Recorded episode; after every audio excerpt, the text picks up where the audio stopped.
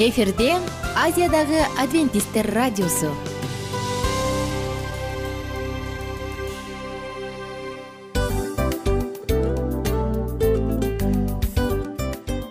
Достор салют. Баардык сүйүктүү угармандарыбызга салам айтабыз. Кутман күнүңүздөр менен. Ден соолук өмүрдүн булагы демекчи саламат саамы программасында баарыңыздарды көргөнүбүзгө абдан кубанычтабыз. Анда алгач амандашып өтөлү арбаңыздар деп. Ден соолугуңуздар кандай элибизде көбүнчө ден соолук кандай дегенде эле жакшы деп жооп беребиз э? ооруп турсак дагы жакшы дейбиз. Анан мен муну айтып ойлойт элем бул абдан сонун сөз депчи анткени бул жакшы деген үмүт да э ооба баары жакшы болот. Баары сонун. Деп үмүттөнүп атып эле өзүбүздү өзүбүз дарылап коебуз. Анысы кандай сиздин дагы ден соолугуңуз жакшы беш деген үмүттөбүз чындыгында ден соолук бул өмүрдүн булагы деп бекеринен айтылган эмес деп ойлойм. Кыргыз элинде анткени эгерде ден соолук жок болсо анда адамдын жашоосунда калган баардык керектүү маңыздуу нерселер өзүнүн баалуулугун жоготуп коет. Ошондуктан ден соолук бул эң керектүү нерсе. Ооба туура айтасың кесиптешим. Чынында ден соолугуң жок бир эки үч күн ооруп калсаң эле э кандай болуп калат? Жашоодо көз каранды болуп каласың көп нерсеге жетишпей каласың көп нерсени кыла албай каласың жада калса эшикке дүкөнгө да чыга албай каласың. Туптуура анан ден соолук болсо демек биз биздин бактыбыз тоодой деп койсок болот. Анда достор саламат саамы рубрикабызды баштайлы. Алдыда өзүңүзгө керектүү болгон сонун кеңештерди уга аласыздар. Мына ошондуктан биз менен бирге болуңуздар. Ал эми биз болсо милан жана айнура. Кеттик алга. Алга саламат саама ден соолуктун жарчысы. Саламат саама ден соолуктун ачкычы. Күн сайын сиз үчүн мыкты кеңештер сонун жаңылыктар кызыктуу фактылар. Биздин рубрикада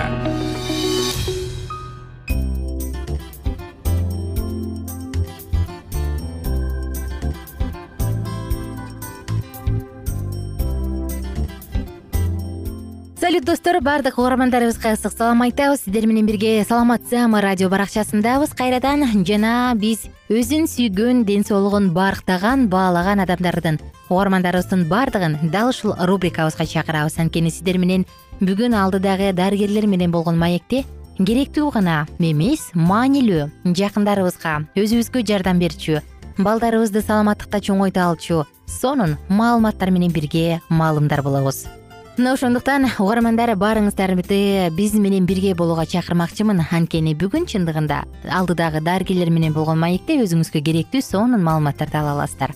Достор адамда биринчи байлык ден соолук деп бекер айтылган эмес э? Мына ошондуктан биринчи эң керектүү болгон байлык бул биздин сиздин ден соолугуңуз. Үстүңдөгү үч кабат үй алдыңда беш түрлүү машина кымбат баалуу унаалардан эч бир пайда жок. Эгерде ден соолук болбосо. Ошондуктан угармандарыбыздын баардыгына бекем ден соолук каалоо менен бирге биз саатыбызды баштадык. Алдыдагы маалыматтар сиздер үчүн. Достор эгер суроолор болсо сөзсүз түрдө саламат клуб сайтынын ютуб каналына кирип ал жакка комментарий калтырып суроо жөнөтсөңүз болот. Биз сиздин сурооңузду жоопсуз калтырбайбыз. Жагымдуу мүнөттөрдү бирге тосолу сиз жогоруда ушул эрозия пайда болуунун төрт негизги себептерин санап бербедиңизби эң эле кеңири таркалган ушул каттоолордо ушул көп деген кайсы себеби? инфекция мен инфекция деп эле айтам себеби дегенде баягы инфекция дегенде жыныстык жол менен жыныстык жактан берилүүчү инфекциялар. Иммунитеттин түшүп кетүүсү дагы баягы биз ии мен грипп болуп калыптырмын деп эле коебуз го. А грипп болгондо оозго чыккан учук тияка да чыгышы мүмкүн. Ошол эле учук да учук деп коебуз да герпес десек да түшүнөт кыргызча баягы жөнөкөй тил менен учук. деп айтылат. Ошол учукту оозуңарга чыкканда эле элестеткиле канчалык ооруйт канчалык жара болот да. Ошондой эле жыныс жакта да болушу мүмкүн. Эми айта бериңиз бул инфекциянын баардыгын диагноз кылып туруп до конца дарылаш үчүн сөзсүз биз күбөлөрдүн чакырабыз. А күбөлөр элүү процент келишпейт. Вот ошодон азыр бизде эрозия э, жаман ооруга айланып рак шейка болуп и кыйналган эле аял заты болот менде дагы суроо болуп атат мисалы эрозия пайда болду. Айым келип көрүндү. Анда эрозия бар. Эми ушул эрозияны дарылаш үчүн анын башкы негизги себебине чейин казыш керек да. Э болбосо инфекция болсо ал кайра кайра эле чыга бериши мүмкүн да. Кандай дарыланууларды өтүш керек эмне кылыш керек? Дарылануу жөнүндө бир аз айтып берсеңиз. Э, дарылануу жөнүндө азыр бизде баягы могу обстановкага карата ковид тиги бу деп э, телефондон онлайндан лечение сураган айымдар аябай көп да. Бирок андай лечение кылган бул чала молдо димбузатка барып калат да. Себеби дегенде жакшы айттыңыз. себеби дегенде баягы көргөнүңдө көргөн көзүңө ишенесиң эрозия экенин. Анын кандай түрдө болуп кетти? Канчалык глубокий кирип кеткен канчалык терең кетти? Ошону билиш үчүн атайы анализ алып анализди лабораториядан текшерет ар бир клеткасын текшерет кандай экенин. Андан кийин аппарат бар атайы. Баягы биз мынтип эле көзгү менен көрөбүз да көзгү менен көргөндө эле ошол эле э, микроскоп менен көрөбүз. Анын атын кальпоскопия деп коет кальпоскоп жасайбыз. Кальпоскопто дагы подтверждение берет. И анан э, ошол обследованиялар бүткөндөн кийин анан кийин кайсы жол менен дарылаш керек экени билинет. Эгерде мазоттон инфекция чыкса бул это жүз процент мен айтам инфекция чыгат инфекцияны э, конкретно дарылаш керек. Дарылоо ошол мазоттон инфекциянын кайсы түрү экени билинеби же анда билиш кыйынбы билинет дагы деле мисалы үчүн хламидий микоплазма ситомегаловирус же болбосо баягы эле э, папиллома вирус деп чыгат. Бирок э, бир эле жалгыз эмес да баардыгы чогуу жүрөт. Алардын инфекция настолько ушунчалык ынтымак бири бирин сүйрөй жүрөт да бири бирине жол салат а мен бул жерде жыргап атам сен да кел деп башка микроб дагы.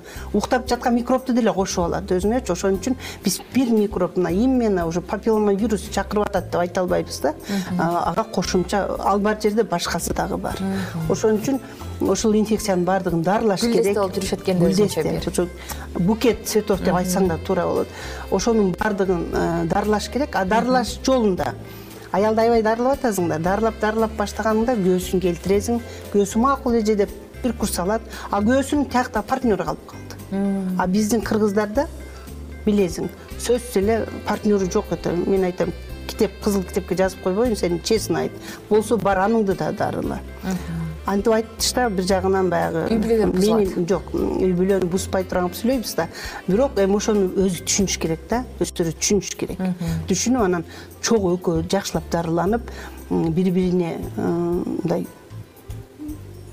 таза болуш керек ак болуш керек. Ошондо гана түбүнө жетип дарылай алабыз. Ансыз курс лечения алды баары жакшы болду. Бир ай эки ай өтөт эки айдан кийин кайра келет. Баягы эле повторение башталат анан кийин тажаганда аял келбей коет да анан такыр өтүп кеткен анан келет. Или врачтар да айтат ушул гинекологдор эптеп эле эптеп эле текшериш керек жок чала дарылады же болбосо билбейт экен дейт билбейт экен анан ооба. бир гүлдөн экинчи гүлгө конгон көпөлөктүү болушу анан биздин аял байкуштар жүрө беришет. Туура айтасыз тилекке каршы. Биз болсо мына эжекебизден сонун маалыматты уктук досторго дагы кайрылгым келип турат. Эгерде сизде гинекологиялык жаатта суроолор бар болсо биздин төрүбүздө жогорку категориядагы акушер гинеколог гүлзина эжекебиз бар. Коногубуз комментарий калтырыңыз сөзсүз түрдө жооп аласыз. Жана сөзсүз түрдө азыр онлайн трансляцияда көрүп аткандар бар. Кийин дагы дал ушул жаатта суроолор болсо бизге комментарий калтыра берсеңиздер жоопсуз калтырбайбыз. Достор жогоруда айтылгандай эле эң сонун маалыматтар биздин ден соолугубузду коргоо үчүн бүгүнкү күндө бар. Канчалык маалымдар болсоң ошончолук куралданган болот эмессиңби мына ошондуктан бүгүнкү айтылган маалыматтар дагы жашооңузга чоң таасирин берип жардамын берип сизди ар кандай кырсыктан ден соолукту сакташ үчүн жаман нерселерден сактасын оорулардан дарттардан сактасын адамдын биринчи байлыгы ден соолук. Адамга экинчи байлык ак жоолук керек. Бирок ак жоолук ден соолуксуз кызык мына ошондуктан сиздерге кааларыбыз албетте бекем ден соолук. Өзүңүздүн колуңуздагы байлыкты сактаңыз барктаңыз. Жана албетте бул үчүн болгон күрөшүңүздү жумшаңыз. Адам баягы жашоосунда колдон келишинче акча таап алып туруп анан кийин улгайып калган кезде баардык тапканын кайра өзүнүн ден соолугуна жумшагандан көрө мейли аз тапса дагы бирок оорубай жашоонун кубанычын татып жашаганга эмне жетсин ошондуктан ар бириңиздерге кааларым бекем ден соолук. Коштошобуз достор сиздер менен кийинки уктуруулардан кайрадан амандашканча бар болуңуздар сак саламатта туруңуздар. Күнүңүздөр көңүлдүү маанайда улансын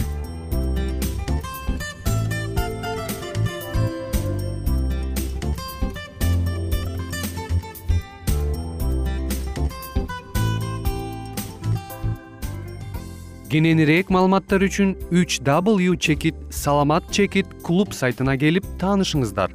Жана андан тышкары социалдык тармактарда youtube facebook жана instagram баракчаларына катталыңыз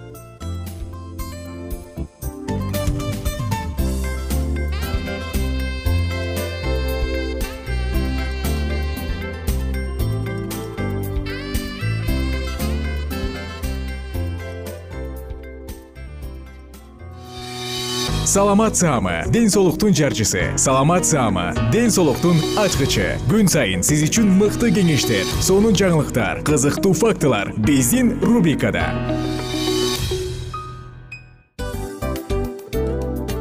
Салам достор. Кайрадан биздин сүйүктүү рубрикабызга кош келиңиздер деп айтмакчыбыз. Баардык замандаштарыбызга арбаңыздар деп саламыбызды айтабыз. Улуу ушундай бир урматтаган учурашуу менен анан дил маек радио баракчабызга чакырабыз. Негизи дил маек биздин рубрикабызда эмне жөнүндө кеп кылабыз? Бул дил маектин мааниси эмнеде? Рубрикабыз менен кичине тааныштырып кетсеңиз. Сөзсүз түрдө тааныштыра кетейин кесиптешим суранычы боюнча бул учурда бул радио баракчада биз ар тарап кесип ээлеринен сонун кеңештерди алабыз сүйлөшөбүз сырдашабыз аталарыбыздын эжелерибиздин апаларыбыздын кеңештерин угабыз айтор жан дүйнөгө адамдын э, сапатына адамдын деги эле адам болуп жашашына керектүү баардык кеңештер алдыда. Негизи э, дил маек дегенде баягы эки адамдын ортосундагы сырдашуу кенен сүйлөшүү. Негизи эле биз адамдар бири бирибиз менен бир жерге жай жерге отуруп алып өзүнчө тынч э, жашоо жөнүндө өмүрүбүздө эмне болуп атканын бөлүшкөнү жакшы көрөбүз э ооба адамдар туура айтасың анан мындай учурга кээде убакыт да жетпей келет э? Же болбосо сырыңды кайгыңды муңуңду кубанычыңды айткың келет а адамга ишенбешиң мүмкүн. Ооба. А бул радио баракча угармандарыбыздын чыныгы досу. Анткени бизден алган кеңеш сиздин жашооңузга чоң жардам берет. Ал эми сиздин бизге айта турган сөзүңүз ортодо гана сыр бойдон калат. Ошондуктан биздин дил маек рубрикабызга дагы бир жолу кош келиңиздер. Жана биз даярдаган маалыматтарга даяр болуңуздар. Айнура жана милан сиздер менен бирге алдыга кеттик ар түрдүү ардактуу кесип ээлеринен алтын сөздөр жүрөк ачышкан сыр чачышкан сонун маек дил маек рубрикасында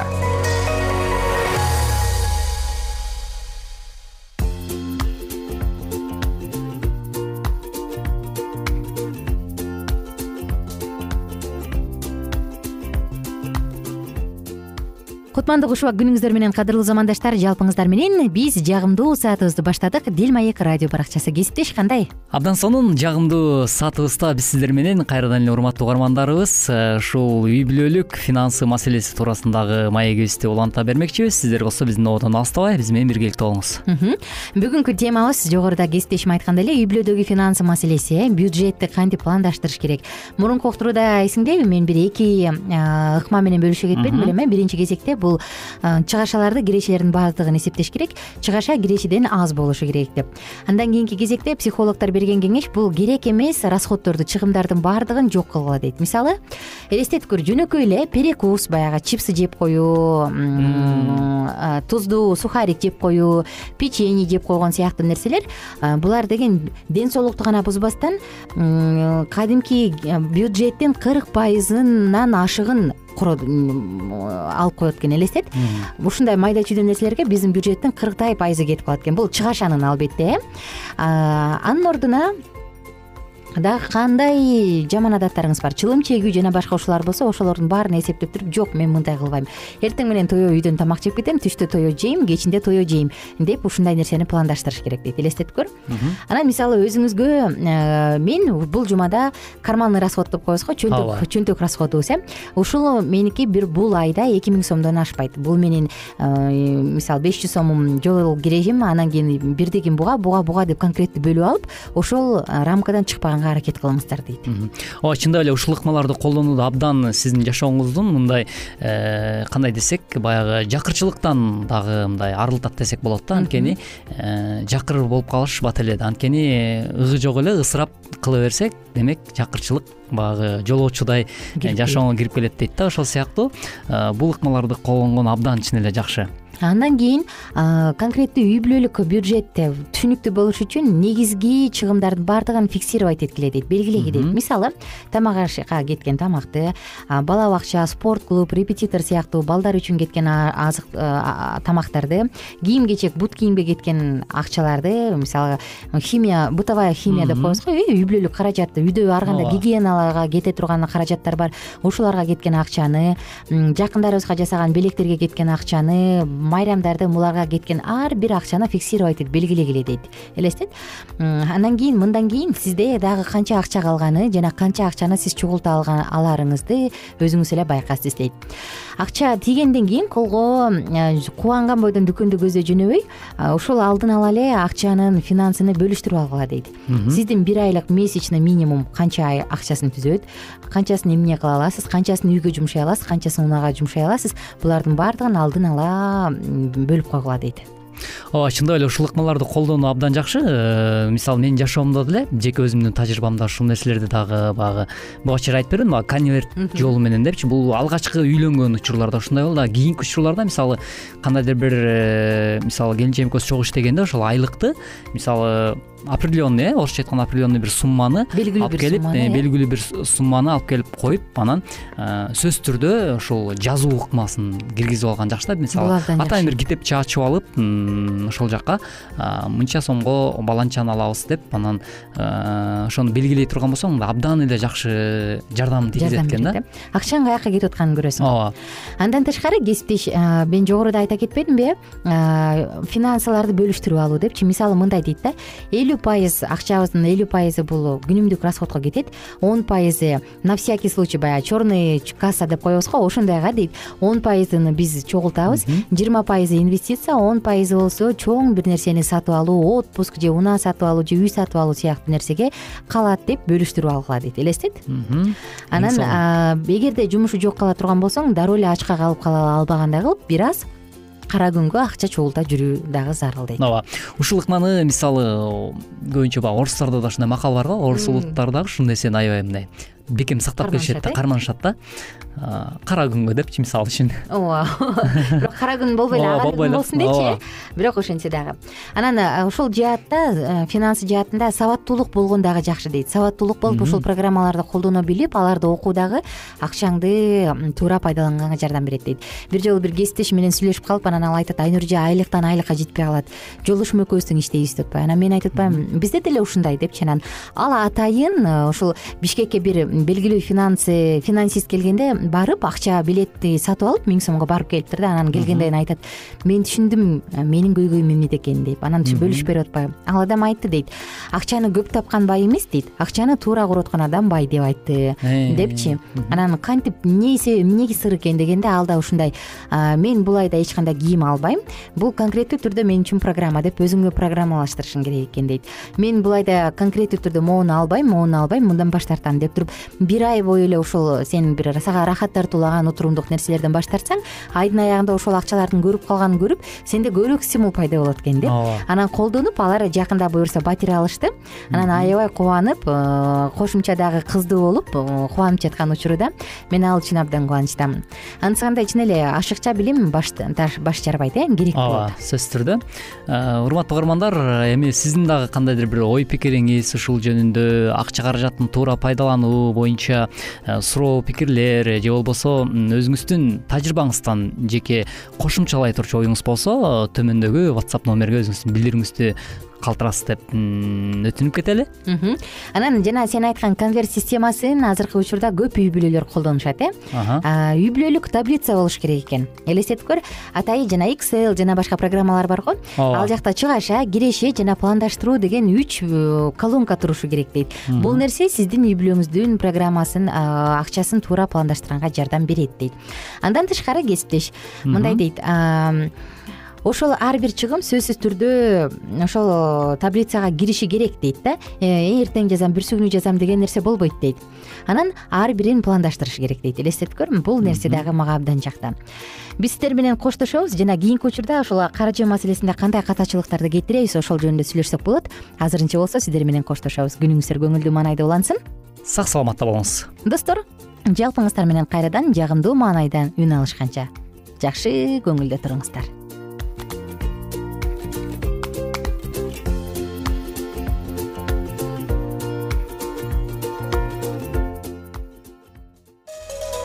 ар түрдүү ардактуу кесип ээлеринен алтын сөздөр жүрөк ачышкан сыр чачышкан сонун маек дил маек рубрикасында.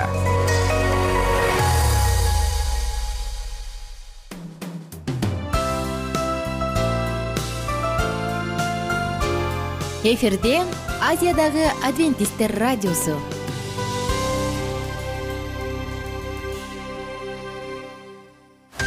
Жан дүйнөңдү жүрөгүңдү азыктанткан жашооңо маңыз тартуулаган жан азык рубрикасы.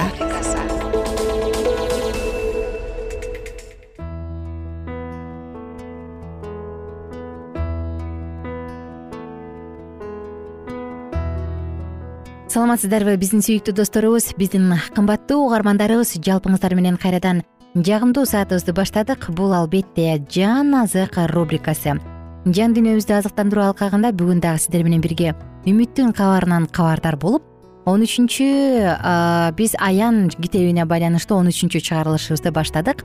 Жана улантабыз. Темабызды эске салсам аян китеби диний ишенимдердин жана секталардын жалганын ачыкка чыгарат деп аталат.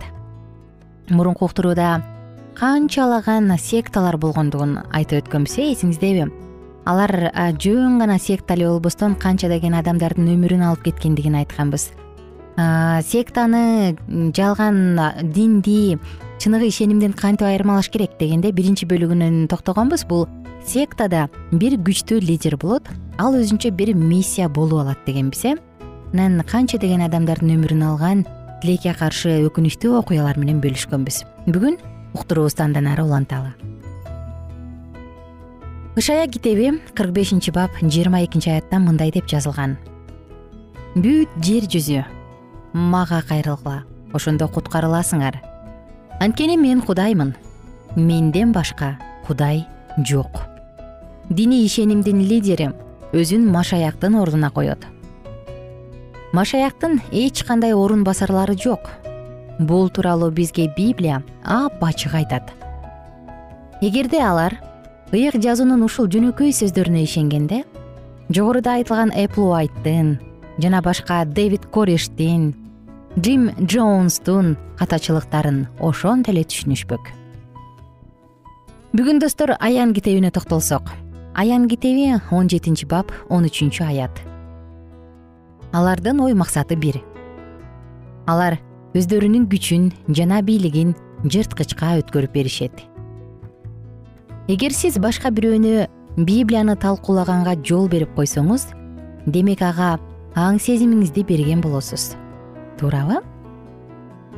Эгер сиз өз алдынча библияны изилдегендин ордуна муну насаатчыга тапшырып койсоңуз демек аң сезимиңизди ага тапшырган болосуз.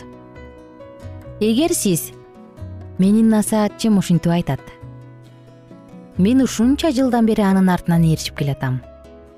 Эгер анын окутуусу түздөн түз библиядан чыкпаса да мен баары бир анын артынан ээрчийм деп ойлонсоңуз анда сиз аң сезимиңизди жалган үчүн ачып берип жатасыз. Жаңы бир чындыкты угуп мен кырк жылдан ашык кайсы бир жыйынга барам эми өзгөрө эле албайм деп айткан көптөгөн адамдар бар. Эмне болуп кетти алар өздөрү аңдабастан аң сезимин жыйынга жана анын лидерине тапшырып коюшкан. Ал эмес ушундай кылгандарын дагы түшүнүшкөн жок. Алардын аң сезими жабылган. Алар жаңы чындыкты кабыл ала алышпайт. Эмнеге алардын чындыкты түшүнүүсү насаатчынын айтканы менен гана чектелген. Алардын пастору ыйык кызмат кылуучусу же башка лидери жаңылыштык кетире алабы? Диний ишенимдерди ээрчигендер өздөрүнүн лидерлери тууралуу так эле ушинтип айтышат. Матай жазган жакшы кабарга токтолсок. жыйырма төртүнчү бап жыйырма төртүнчү аят. Анткени жалган машаяктар жалган пайгамбарлар чыгат. Мүмкүн болсо тандалгандарды адаштыруу үчүн чоң жышаандарды жана ажайыптарды көрсөтүшөт. Алар жышаандарды жана кереметтерди көрсөтүшөт. Бирок алар жалган пайгамбарлар жана жалган машаяктар. Жалган машаяк менен жалган пайгамбарлар керемет көрсөтө алышабы? Албетте ооба библия мындай дейт. Алар эмне кылышат? Мүмкүн болсо тандалгандарды адаштыруу үчүн.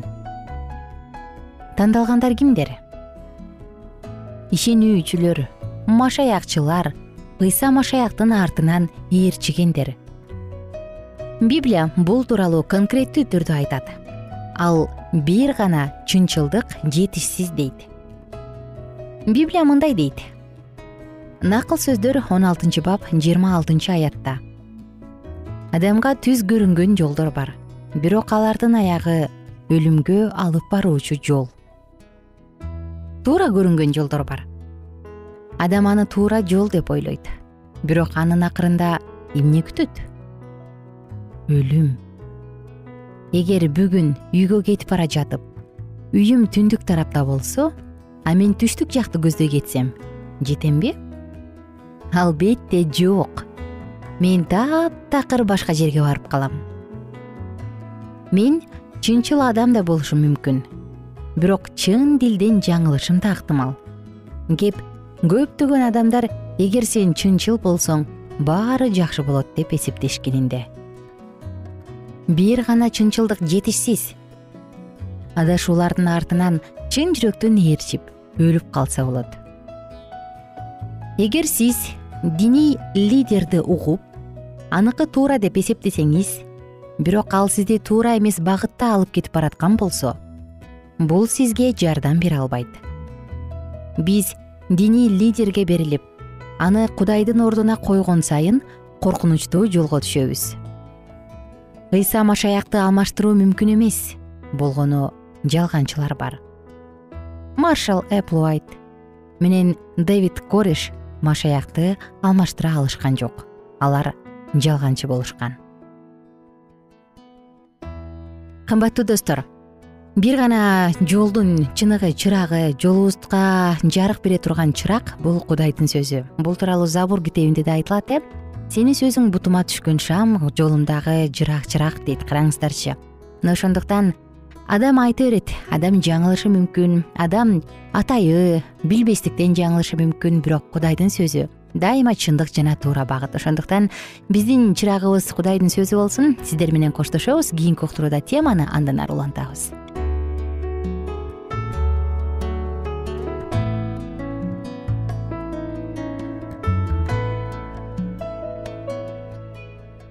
эгер сиздерде суроолор болсо же көбүрөөк маалымат билем десеңиз анда биздин whatsapp номерибизге жазыңыз. Плюс бир үч жүз бир жети жүз алтымыш алтымыш жетимиш. Кайрадан плюс бир үч жүз бир жети жүз алтымыш алтымыш жетимиш